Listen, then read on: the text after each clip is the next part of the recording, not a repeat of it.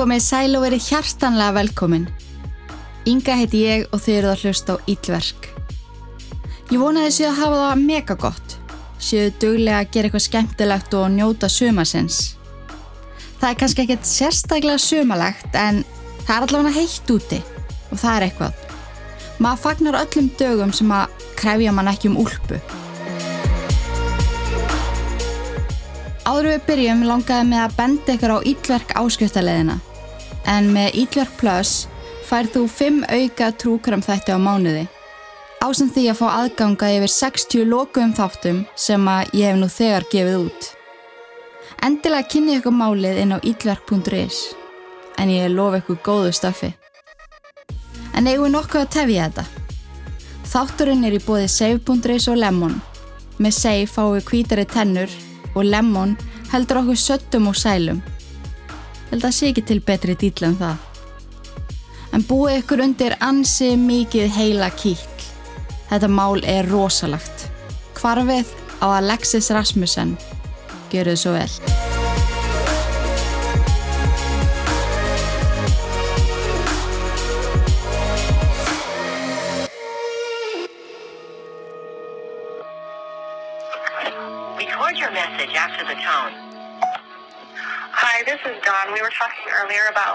Rasmussen, my daughter who's missing. I didn't finish getting your email address to send that picture to. And also, I kind of wanted to, because I'm, I'm worried about the people that she was with, because I just can't find where she went after that. Þetta var rödd 36 ára móður Alexis Rasmussen. En hún hefði ringt þremdugum áður og látið lauruglu vita að því að dóttur hennar væri tínd. Dagarnir liðu og ekkert bólað á henni. Hún vildi því ringja inn og minna á málið. Það var ekkert að segja það að það hefði verið ólíkt henni að hverfa svona. En Alexis fór sínar eigin leiðir. En það að slökka á símanu sínum, setja ekkert á samfélagsmiðla og hunsa algjörlega SMS móðu sinnar. Það var ólíkt henni og móður hennar var með óbræði munninum yfir þessu. Hún fann á sér að það var ekki allt með feldu.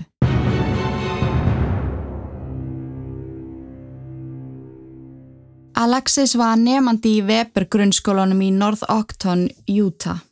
Þar sem að hún átti marga vini og var ansi vinsæl. Uppfulla af orku, upprausnaseggur og mikill húmóristi. Fólk laðaði staðinni. Hún var ekki bara ótrúlega hillandi karakter, heldur var hún líka alveg ótrúlega sætt, með sítt ljóst hár, ljóskran augu og stórt skennakvitt brós. Það má eiginlega segja að hún hafi haft allan pakkan, eitthvað sem er markmið hvers 16 ára ólings. Sætt, klár og skemmtileg, alltaf umkringt fólki. En þótt hún geti valið úr fólki til að umgangast, þá kaus hún alltaf að vera með bestu vinkunni sinni, Brandu Kane. En þær kynntust í sjöndabekk og voru óaðskiljanlegar síðan þá. Ef þú sást Brandu var Alexis aldrei langt undan og ákvæði mann eftir því að eiga svona samlóku vinkonu. Ef maður veltiði fyrir sér þá var þetta í rauninni fyrsta ástenmanns. Maður gæti alltaf fara á klósetti á hans að hafa bestu vinkonu sína með. Maður vildi gista með þeim alla nætur, fara saman í og úr skólan, læra saman og svo fór maður að ræða það að búa saman og vinna saman. En þegar Brenda fekk hlutastarfi það að passa börn nágranna sinna, The Millenbergs, kom Alexis alltaf með henni í vinnuna. Hún var svo tíðu gestur að Millenbergs hjónin, byggingaverktakin Erik og hjúkurnakonan Díja, buðu henni að vinna hjá sig líka. Þar getur þá skipta milli sín vaktunni sem voru í bóði, mætt svo saman þegar þær vildu. Og þær voru að elska þetta. Og þarna fengu þær að hanga ennþá meira saman og fengu vasapinning. Lögadaginn 10. september 2011 tók Alexis stað sér að passa fyrir hjónin. Þegar Díja og Erik komu heim var Alexis sopnuð í sófanum. En það gerðist einstakar sinnum að hún og Brenda sopnuðu ef að hjónin voru langt fram eftir. Í þau skipti var bara breytt ofan á þær teppi og Díja sendi mærum stúlknana SMS um að þær hafi sopnað. Það var því ekkert mál. svo vöknuðu þær bara daginn eftir, fengu sér morgumat, Brenda lappaði heim til sín, hann var rétti við göduna, en Millenbert hjónin skuttluði Alexis heim þar sem hún bjóða eins lengra frá. En þau komuð þarna heim og sáu Alexis sofandi. Breyttu ofan á hann að teppi, en í þetta skipti glemdi Día að senda móður Alexis SMS um að hún hafi sopnað. Um klukkan halv eitt um nóttina þá vaknar Día við að Alexis kvísla nafninar frá dyragettinni. Segir henni að hún sé að fara því að vinur hennar úr skólanu sé komin til að sækjana og þau ætli saman á rúndin. Día var hálf sofandi og meðtók þetta ekki almennilega en svaraði bara ok og hjálta fram að sofa. Og það var ekki fyrir en daginn eftir þegar hún sá að Alexis var ekki lengur í sófanum að hún myndi eftir því að hún hafiði farið ekkert um nóttina. Þetta var því það eina sem að Millenberg hjóning áttu sagt lauruglu um ferðir hennar þetta kvöld. Hún nefndi aðilan sem að sótt hana ekki á nafn, saði bara vinu minn úr skólanum. Það sem laurugla þurfti að koma stað var hver er þessi vinur? Kanski var hún enþá með honum? Eða hann getið allavega að varpa ljósi á lögadagskvöldið. Á sama tíma var rætt við móður Alexis sem var handisum að eitthvað alvarlegt hefði komið fyrir en hún tjáði lauruglu að Alexis ætti það til að vera uppreysna seggur. Hún elskaði að djamma og yfirleitt snýrust helgarnar hennar um það. Hún átti það líka til að fara á staði án þess að láta mömmu sína vita eða ljúa til um hvað hún var. En hún sagði alltaf satt á endanum. Þar voru í ágætið sambandi og móður hennar lagði mikið upp úr því að veitinni skilning Ver ekki á ströng og leifa dóttu sinna reyka sig á og læra af eigin mistökum. Alexis endaði alltaf á að segja mömmu sinni sannleikan. Þótt að væri nokkrum dögum síðar. Svo henni fannst mjög skrítið að hún væri ekki búin að heyra frá henni í heila þrá daga. En daginn áður en Alexis kvarf hafði hún logið að mömmu sinni. Sagt henni á förstundagskvöldinu ætlaði hún að gista hjá vinkonu sinni en endaði í parti hjá strák sem er þekktur fyrir að vera svona vesenispjessi, Canyon Cross. Hann var alltaf að halda parti, notaðist við fíknefni, drakk mjög mikið og flosnaði upp úr skóla ungur. Hann var alltaf með nýja stelpu upp á arminum og bara þessi stereotýpa vandraða gemling. Mamma Alexis þekkti til hans og vildi alls ekki að dóttur hennar umgengist hann.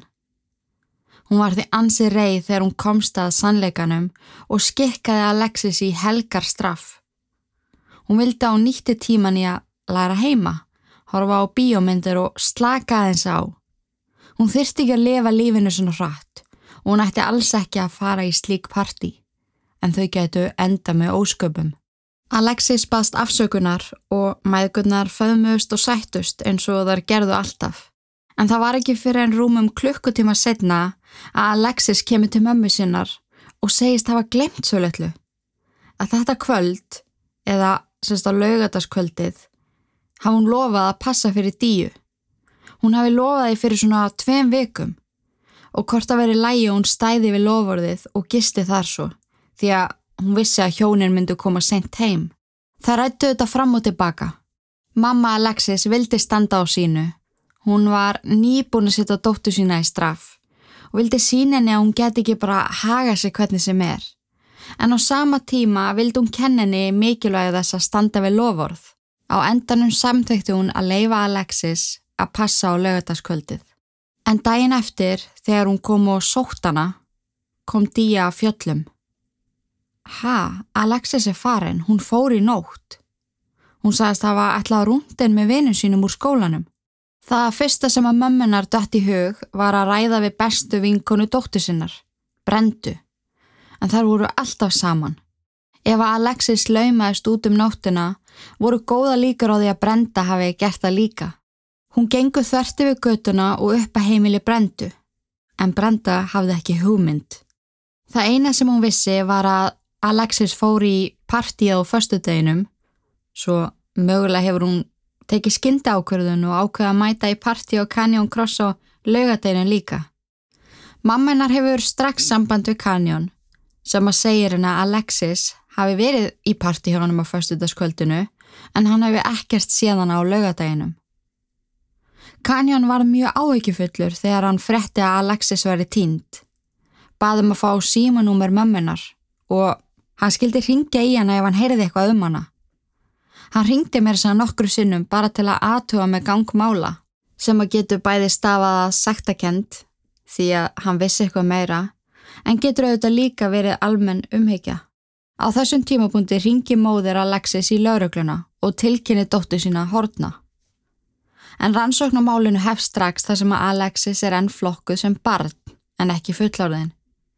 En þið þekkið þetta þegar að fullárði hverfa þá þarf að býða ykkur nákvæðin tíma áður en laurugla hefur leitt. En það allra fyrsta sem var gerst var að tala við alla vini Alexis. Bekkjasistir Alexis segist ekki af að síðana eða heyrst í hann á laugadeinum en hafði einmitt heyrt af þessu partíi hjá Canyon.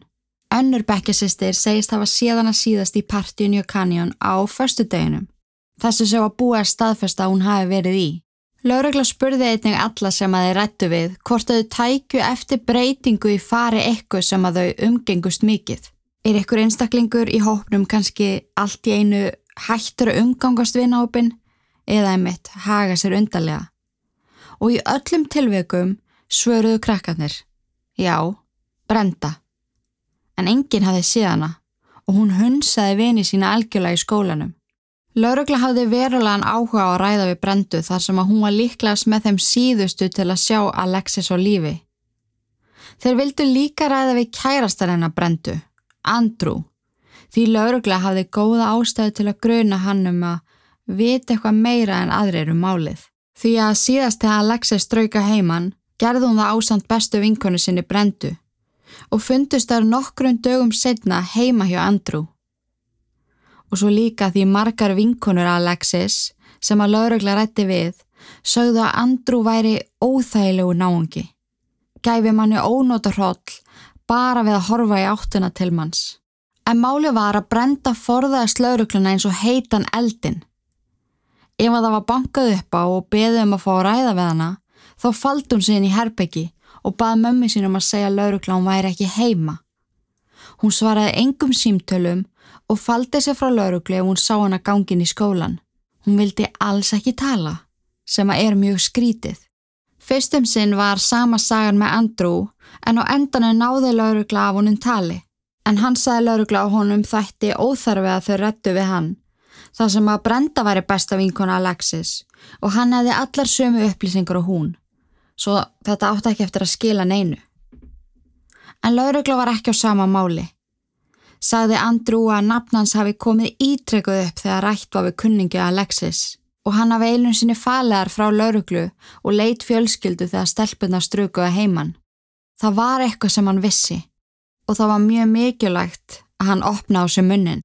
Andrew saði frá því að á förstudagskvöldinu í partíunni hjá Canyon Cross hafi Alexis, Canyon og vinur þeirra Austin verið alveg blindfull og ansi opin með það að vera á fíknefnum. En það var ansi þekkt í Weber grunnskólanum að partíin hjá Kenyon sem að var á fyrsta ári mentaskóla áður hann var rekin inni heldu alltaf fíknefni. En Alexis, Kenyon og Austin voru vist ákveði partí þríeiki. Þau voru öllundir áhrifum. Á ákveðnum tímapunkti hefði Alexis og Kenyon farið saman inn í söpnirbyggi hans en þau hafðu ykkur tíman verið að sofa saman þá aðalega þegar þau voru drukkin eða undir áhrifum fíknefna. Þótt að laurugla væri ekkert sérstaklega að leita af upplýsingum um föstudagskvöldið þar sem að mamma Alexis sá hana á laugadeginum sjálfum og það var búið að staðfesta hún hafi verið í þessu parti á föstudeginum, þá gáttu ferður hennar og gjörður vissulega varpa ljósi á hvað varð af henni á laugadeginum. Gat verið að hún hafi kannski farið í annaparti.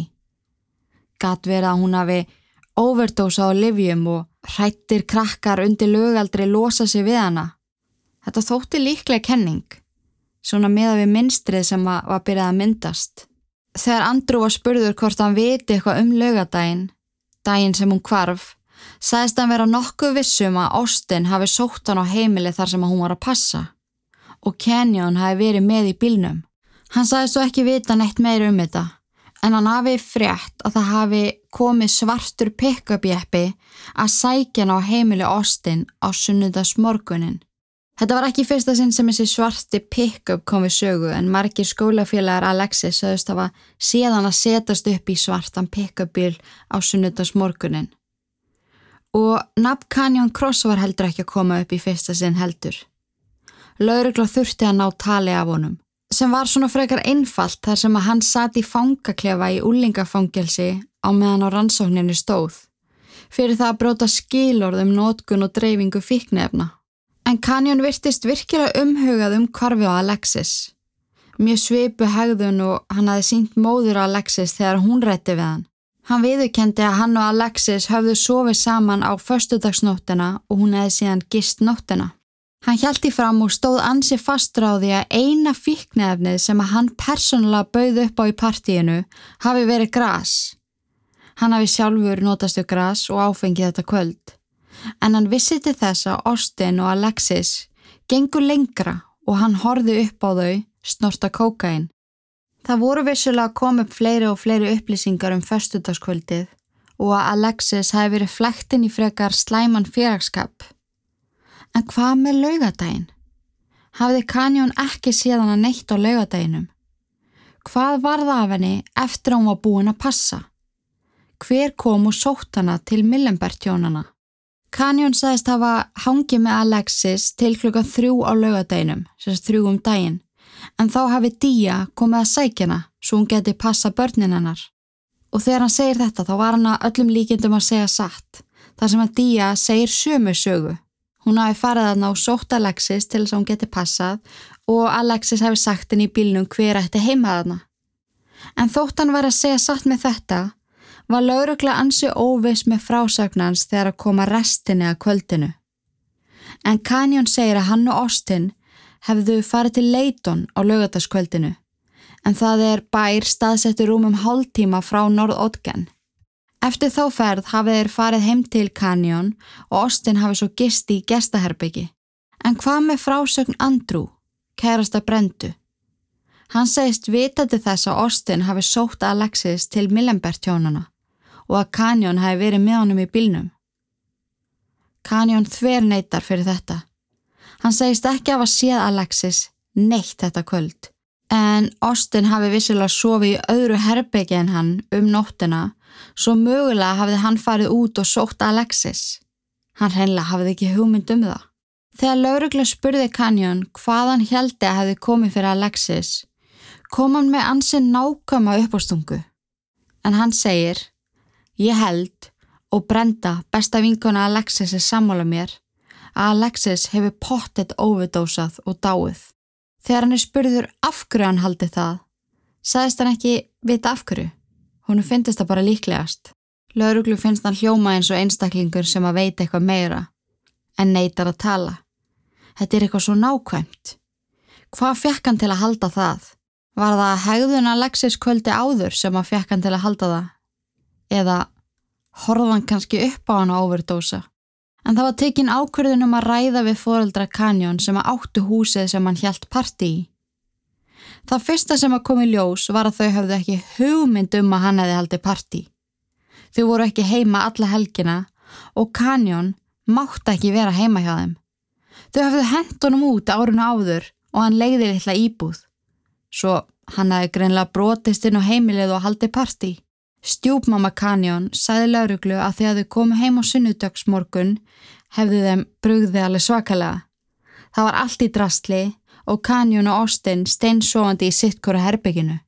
Það fannst ekkert vafasamt í húsinu en inn í bílskúr stóð svartur Dodge pick-up jeppi. Gat þetta verið bílinn sem að svo margir sögust að var séð Alexis setjast upp í? Stjópmóður Kanjón sagðist að var fali liklana á bílnum áður en hún fóri í ferðalagi með föðunans en þeir voru ekki á sínum stað. Kanjón hafi greinilega fundið á og nota bílinn á meðan þau voru í burtu. Stjúpmáður hans bætti svo við, rétt áður en lauruglan fór. Hann veit meira. Hann er mistar í því að ljúa og svíkja. Ég er handvis um það að hann veit nákvæmlega hvað kom fyrir þessa ungu stúlku. Það er eitthvað miklu meira á baku þetta allt saman.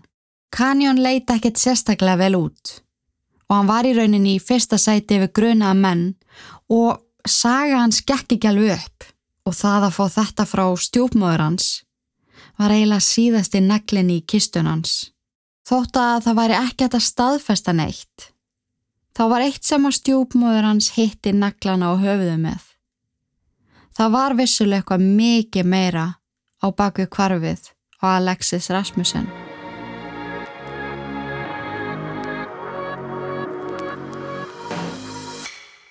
En svo við tökum smá recap, þá hljómar sagan einhvern veginn svona. Alexis fór í parti á föstudeginum, gisti á heimili Canyon og þau sváfu saman. Um klukkan þrjú á sunnudeginum kom Díja á sóttana og Alexis fór á heimili Millenberg fjölskyldunar til þess að passa börn Díu og Erik. Hún sopnar á sófanum en er svo sótt um nóttina af Austin á svörstum pickabíl samkvæmt sjónavottum og sögursögnum. Kanjón segir að hann og Austin hafi farið til Leiton þetta kvöld. Síðan sofið í sikkuru herbygginu eftir að þeir komu heim. Og það gæti verið að Austin hafi farið á bíl stjúpmóður Kanjón til þess að sækja Lexi. Hann að næst þurfti að ræða við hinn átjónara gamla Austin sem var mjög góður vinur Alexis. En það hafði líka komið í ljós eftir að símagögn Alexis voru skoðuð og Austin var svo síðasti sem hafði samband við hana símleiðis. Síðasta virknin í síma hennar var SMS til hans.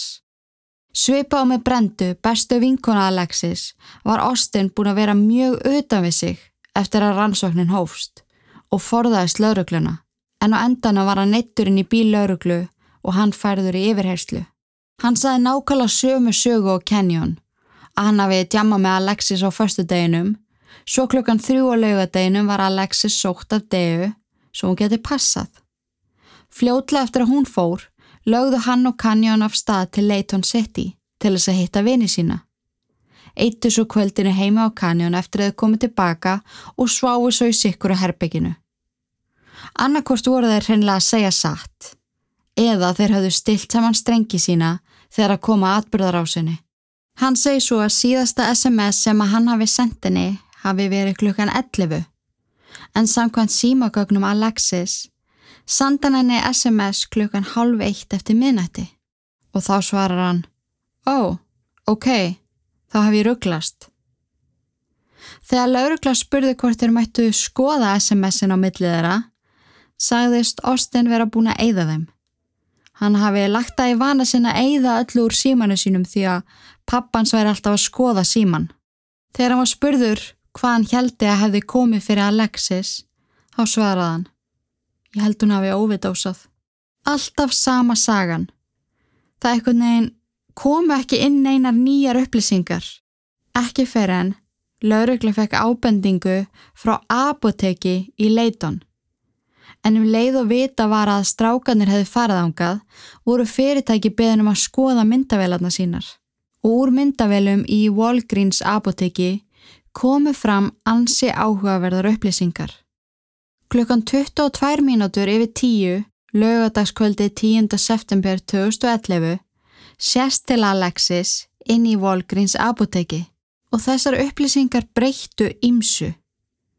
Til dæmis tímasetningunni á því hvenar hún fór frá heimili Millenberg fjölskyldunar. Það var staðfest að Alexis var á sama tíma í Leiton og Canyon og Austin og síðasta SMS-i sem að fór þeirra á milli barst tveim klukkutímum eftir hún sást í myndavélunum sem gefur okkur það að mögulega hittustu í leitón. Af hverju var hún þarna og með hverjum var hún?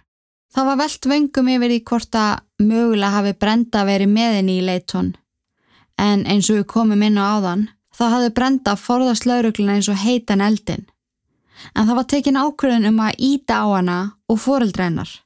Það væri mjög mikilvægt að ná af henni tali.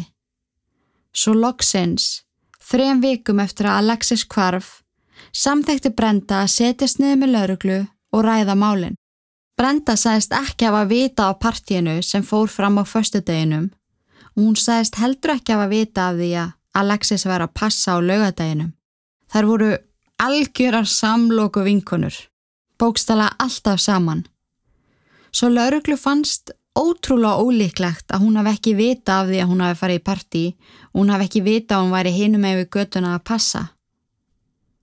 En Brenda hjálti líka fram að hún hafi ekki heyrt neitt í Alexis alla helgina.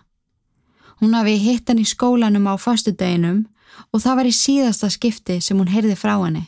Brenda útskýrið svo ástæðan fyrir því að hún hafi ekki eftir samband og hafi ekki treystir í að ræða við lauruglu var því að hún var svo ótrúlega stressuð. Hún saði orðrétt. Þið verðið átt ykkur á því að ég hef aldrei verið svona stressuð á æfinni. Lauruglan hafiði enga ástæðu til að halda henni. En þarna voru flestir átnir handvissir um að þetta væri dæmi um krakka að hilma yfir hvort öru. Þau vissu hvað hefði komið fyrir hana en vildi ekki koma sér í vandræði. En þótt að það væri það sem allir heldu, þá voru engar hald bara sannanir fyrir því. Það kom heldur ekkert nýtt upp úr krafsinu. Ekki fyrir rúmum sex vikum eftir að Alexis kvarf. Sjóasfrétt fór eins og eldur um sinu og gerði fólki ljóst hversu hræðilega alveglegt þetta mál var. Over the weekend, the medical examiner determined that the body found in rural Morgan County was that of Alexis Rasmussen, a death that, to no one's surprise, they have declared to be a homicide. But police still aren't revealing who they think might be involved in her death. Það fannst líka af ungri stúlku, falið inn í þjættum gróðri og afskektu svæði í Morgan County, Utah. Rúmlega klukkutíma frá heimila Alexis í Odgon og 30 mínúna fjarlæði frá Layton City. Þegar krakkar á aldrei var Alexis fréttu af líkfundunum, hópuðu þessi saman og gengu að lauruglustöðunni og byðu þar í marga klukkutíma eftir að fá að vita hvort þetta væri líka Alexis. Í þessum hópi var Brenda Kane. Það var þó ekki fyrir fjórum dögum eftir að líki fannst að hægt var að bera kennsla á það, fréttinnar sem að allir óttuðust. Líkið var af henni 16 ára gömlu Alexis Rasmussen. And moving to exhibit nine, what is that photograph depict? Uh, this is the, the heavily wooded area that Alexis' remains were hidden in. Alexis is, is on her knees with her thighs up into the chest area. The right arm is covered in a black bag, garbage style bag. The lower half from the waist down is, uh, is covered in a black garbage bag as well. It's difficult in this picture to see the head. The head has actually been um, contorted up and under, and is actually up and under the left armpit in, in an odd angle. It appeared to me extreme decomposition, uh, full maggot infestation, an overwhelming odor. The skin was leathery and uh, black and red in color. The screening test for opiates, uh, which includes morphine, was positive. Okay, now explain to me why morphine would show up as opposed to a, a heroin. Heroin is very, very rapidly metabolized. Uh, we can only test for its metabolites. And what is the metabolite of heroin? The primary metabolite is morphine. And do you have a- an opinion then as to the source of the morphine found? The, the likely source of, of the morphine would be illicit heroin. Hún var vafininn í svartan ruslaboka. Líkið verulega illa farið. Rótið og maðkar höfðu gert sér heimkomna í auktóftum og opnum sárum. Hún var óþekkjanleg. Í líki hennar fannst mikið magna morfíni og methamfetamíni. Morfín, magnið og ákveðin gildi sögðu sérfræðingum að hún hafi líklega slátist vegna ofstórskamt af heroíni. Er það klikku tilviljun að allir vinir hennar sem rætt var við sögust halda að hún hafi dáð úr ofstórum skamti? Eða vissuðu nákvæmlega hvað kom fyrir en þorðu ekki að segja allan sannleikan? Reyndu vinir hennar að losa sig við hana? Vefi hann inn í ruslapóka og láta hana hverfa svo þau kemist ekki vandræði? Nokkrum dögum eftir að líkanar fannst var haldinn jarðaför fyrir Alexis. Kirkjan var gjössanlega pökkuð af fólki. Kistan var hvít og ofan á henni var stór vöndur af bleikum blómum. Augu allra voru tárvot og innstinni sögð á öllum. Alexis átti skili réttlæti og nú var ekkert annað hægt að gera en að býða eftir því að laurugla kæmist að sannleikanum. Sá sem gerði þetta er því læsturinn í litlum fangaklefa þar sem eftir er. Hvar var hún nákvæmlega þegar hún tók ofstóran skamt? Með hverjum var hún í Leighton City þegar hún sást í öryggismyndavelum inn í apotekinu klukkan 22 minnundur yfir 10. Það var farið yfir hverja sekundu af öllum yfirherslum sem voru teknar, aftur og aftur. Það hlaut eitthvað að hafa komið þar fram sem gætt varpa ljósi á sannleikan. Þegar aðilinn sem að fóri yfir upptökunar var við það að gefast upp, tók hann eftir ákveðnu nafni eða gælunafni sem Canyon Cross hafði talað um í sinni yfirherslu. Hann talaði um fíknefnaneyslu Alexis en hún hafði fykta með kók, spýtt og gras. Þau hafi einu sinni rætta hvernig þau fjármögnuðu neysluna og þá hafi Alexis sagt að Rúster rettaði henn oft. Rúster átti alltaf nóg. Í yfirherslunni slætaði þetta en núna var mikilvægt að koma staði hver þessi Rúster var. Kanski var sá aðili með henni þegar hún tók of stóran skamt. Eftir fyrirgrenslan lauruglu komu ansi sláandi upplýsingar í ljós. Rúster var gælunafn Erik Millenberg, mannsinn sem að réði Alexis og brendu í vinnu við að passa börnin hans. Sá sem að sagði lauruglu að Alexis hefði farið um miðjanótt með vini sínum. Sannleikurinn var sá að Erik hafði í langan tíma útvega Alexis fíknefni. Á laugadaskvöldi örlaðaríka spröytaði hann með heroíni og meth sem að leiti til þess að hjarta hennar hætti að stoppa. Það sem kom einni í ljós var að maður sem að hétt Kenneth hafði talað við lauruglu nokkrum vikum áður og sagt frá því að vinu sinn, Rúster, hafi beðið hann um að hjálpa sér við að losa sér við lík en þeir voru saman í bræðrafélagi og skilirinn í því félagi voru meðal annars að standa saman í blíðu og stríðu. Rúster saðanum að hann hefði komið heim úr vinnunni og komið að barnapíunu sinni látinni í sófanum og nú þurft hann aðstóð við að grafa hana. Kenneth vildi ekki taka þátt í þessu en lofaði vini sínum að segja ekki frá en Rúster grátt baðan hvort hann gæti aðstóðan að grafa líkið. Það var í búið að koma því fyrir á afskekt svæði en hann yrði að fá aðstóð við að fela það. Kenneth samþykti á endanum að hjálpunum. Þegar þeir fóruða líkinu og ætlaði að móka yfir það var jörðin svo frósin að það var ekki séns fyrir það að losa upp möldina. Svo þeir hendu greinum yfir það og vonuðist til að enginn fyndana. Í allri ringulreiðinni sem að hvarf Alexis var, hvarf þessi ábending frá Kenneth undir bunga af öðrum skýslum. En þegar þeir heyrðu Kanjón tala um þennan rúster eða Erik í yfirherslum small dæmið allt saman. Erik satt í fangelsi þegar þetta kom í ljós fyrir brot á skilorði og vörslu og fíknefnum. Um leið og laurugla settist fyrir framann Erik og spurðan út í dánu barnapíuna, sagðan Ég vil lögfræðing, ég segi ekkert. Fyrst að Erik vildi ekki tala, leitaði laurugla til aðila sem varð mögulega vittni að því þegar Alexis lést úr ofstónum skamti. Aðila sem Alexis leit upp til. Kallaði sýstu sína á vinkonu. Egin konu Erik. Díu Millenberg. Eftir margra klukkustunda yfirherslu kom í ljós að samband hjónana við Alexis var miklu meira en bara barnapía sem kom stundum og hjálpaði þeim. Þau voru félagar. Alex satt stundum með þeim langt fram eftir og drakk og reykti gras. Brenda og Alexis sögðust oft verið að fara að passa en í rauninni fóraðarðangað til að fá frítt áfengi, með eða uppáskrifu lif. Hjónin borguðu þeim oft fyrir passunastörfin með þessum hætti. Og þær voru ekki einu úlingarnir sem leituðu til hjónana. Það voru fleiri stelpur sem höfðu sömu sögu að segja. Þau buðu upp á áfengi og fíknefni. Greittu með áfengi og fíknefnum og í rauninni var pössunarstarfið bara ábreyða yfir eitthvað virkilega ólöglegt sem var hann í gangi. Þráttur það að stunda ólögleg viðskipti við margar úlingstelpur var Alexis sérstök í þeirra augum. Þeirra uppáhald ef svo má orði komast.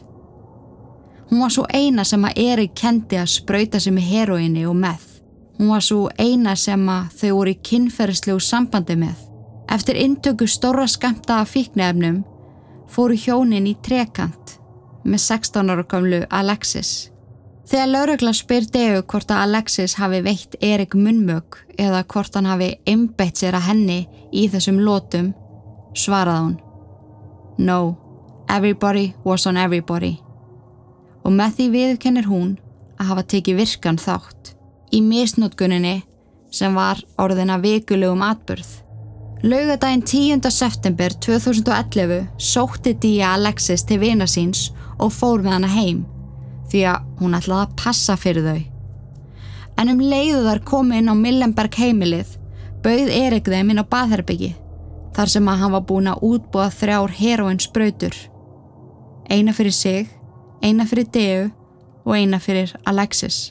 Þegar leið á daginn spurði Dea Alexis hvort hún vildi koma með sér í apotek því að hún þurfti að sækja lifa af livsæli og Alexis samþekki það. Og þar keira saman þessa rúmuðu 30 mínútur til Leighton City. Þóttar hafi verið saman þá virtust þar ekki saman þegar maður horfir á öryggismyndavelarnar. Dea gengur inn á undan Alexis og Alexis gengur aðeins hægar og er að fykta í símanu sínum en það sjást báðar á upptökunni klukkan 21 mindi við 10. Þær eru inn í apotekinu í rúmar 5 mínútur. Alexis er farin út rúmri mínútu áður en Dea fer út. En þetta kvöld sáu Dea og Erik fyrir sér að spröyta sig og Alexis með meth og síðan myndu þau misnótana. Dea og Alexis setast í sófan í stofinu og fylgjast með Erik útbúa þrjár spröytur af methamfetamín. Hann gengur svo til Alexis og spröytar hana í hálsin, Dea í handleikin og sjálfan sig á milli tanna. Þau fóru svo öllin í svefnherbyggi. Alexis fóru fötunum og Dea og Erik gerðu það líka. Þegar þau voru öll komin nakin upp í rúm, veitti Dea Alexis munmög. Á meðan veitti Alexis Erik munmög. En sama hvað var reynd þá náði Erik honum ekki upp, sem er víst algengt vandamál eftir að hann notaðist við með.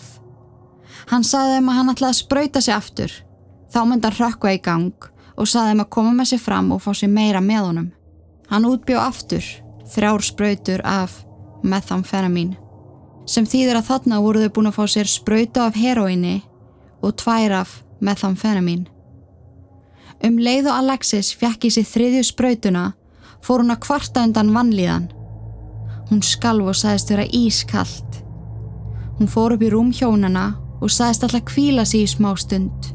Erik og Dea fóru þótt á verönd og rektu eina síkaretu. En þegar þau komu aftur, síndi Alexis engin viðbrögð. Hún andaði ekki. Það flætti blóðu nefi hennar og líkið kiftist við. Þau hugsuð ekki eina mínútu að ringja á sjúkrabíl eða á laurugluna. Heldur vafði Dea líkininn í teppi og þau fjóru með það út í bíl og settu það í skottið. Tíminn var líka naumur því þarna var klukkan orðin rúmlega sexu um morgun og litlu börnin þeirra tvö myndu bráðan vakna. Það yngra nýju mánaða og þó eldra sex ára. Svo byrjaðu að panika. Þau gátt ekkert haft líki í bylnum. Svo þau vöktu nýju mánaða barnið og klættu það. Dea settist undir stýri og er ekki farþegarsætið. Þau tóku þarna meðvita ákverðun um að skilja sex ára barni sitt eftir heima á meðan þau færu og losuðu sér við líkið. Þau vissu ekkert hvað það átt að gera við það, svo þau keirðu ring eftir ring, þar til að þau enduðu afskektu svæði, kílómetr frá heimilegðara. Þau vefðan inn í plassboka og hendin inn í gróðurinn. Þau hafði ekki tíma til þess að velta þessu freka fyrir sér og drefu sér aftur heim. Eina ástæðan fyrir því að Dea samþekki þarna að segja allan sannleikan var því að hún fekk tilbóð sem hún gati ekki hafnað. Vittnaðu gegn eigimanniðinum og við gefum þér eins vægan dóm og mögulegt er. Eftir að þetta kom allt í ljós var fangelsisvist Erik framlengt en hann satt hana í fangelsi fyrir að bróta skilorð. En Dea gekk frjáls til ársins 2014 þar til að réttahöld hennar fóru fram. Þar var hún dæmt fyrir að tefja störf lauruglu, fyrir að hilma yfir morðinu, fyrir að gefa aðila undir lögaldri áfengi og fiknefni og fyrir að stunda kynlíf með aðila undir lögaldri. En var ekki ákjærð fyrir morðið sjálft.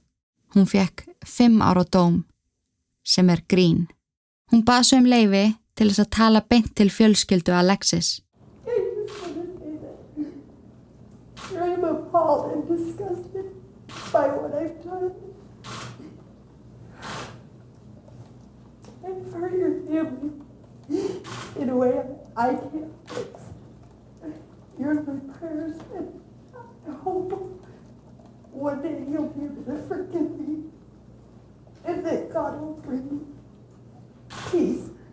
En ég efast um að þessari sóun á andrúnslofti verði nokkuð tíman fyrirgefið. Móðir Alexis átti erfitt með að kingja þeirri staðrind að hún hafi ítrekkað skuttla dóttu sinni til þeirra í þeirri trúum að hún væri að fara að passa. Hún væri að vinna sér inn örliti kaup. Hún hafði oft hitt EU og segi sjálf. Hún virkaði bara eins og venjuleg mamma. Bara eins og ég. Blíð og góð og almennileg. Börnin hennar voru svo falleg og alltaf vel til höfð. Ég hefði aldrei trúað því að þau geitu gert svona lagað. Millenberg hjónin horðu upp á fjölskyldu og vinu Alexis engjastum á meðan það var leitað af henni. Á meðan það var reynd að komast að því hvort hún væri lífs eða liðin. Þau horðu upp á vina hennar var að yfirheyrða og sakaða um eitthvað misjamt. En það að brenda, Austin og Canyon hafi verið viðriðin málið var bara bull. Þetta voru bara sögusagnir. Þau voru í alvörunni vinir á krosskotum sem að syrðu vinkonu sína. Á meðan þessi skrimsla hjón gengur laus. Eftir að hafa spröyta barn með eitri og misnota svo kynferðislega. Ef Alexis hefði lifað, hefði þau skadað hana andlega, varanlega. Þau hefðu komið inn hjá henni tröstvandamálum, mögulega fíknivandamáli og áfengisvandamáli. Þeim hefði tekist að eðalegjana. Og til hvers? Til þess að krytta kynlífið.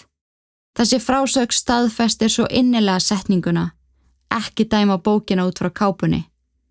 Almennilegasta og venjulegasta fólk getur búið yfir hræðilegum lindamálum og Alexis sá þeirra dýpstu. Hún var bara barn og áttaði sig ekki á því hversu harkalega það var að vera að misnótana. Þótt fjölskylda hennar fá hann aldrei aftur, þá er hægt að heidra minningu hennar með fræðslu og upplýstu hugafari til þess að fyrirbyggja það að fleiri ungir einstaklingar lendi í því sama á hún. Það er ekki allt sem sínist. Þetta var virkilega áhugaverðir ansóknarvinna og ég er gjörsanlega orðlaus yfir þessu máli. Þú veist, ég sagði hvað eftir annað bara hæ við tölvuna því að þetta tekur líka svo margar uppegur. Þú veist, hvað voruð með marga grunaði huga yfir allt keysið? Maður hugsaði ekki strax til Millenberg kjónana. Eða ég gerði það allavega ekki. En höfum það í huga að ekki er allt sem sínist. Fræðumst, passum hvort annað og förum vallega. Það er svo mikið að drastl fólki að núti. En ég vil þakka ykkur kærlega fyrir að hlusta. Takk fyrir að vera til og í guðanabænum forðust öll ítverk. Nema þetta podcast. Verið sæl.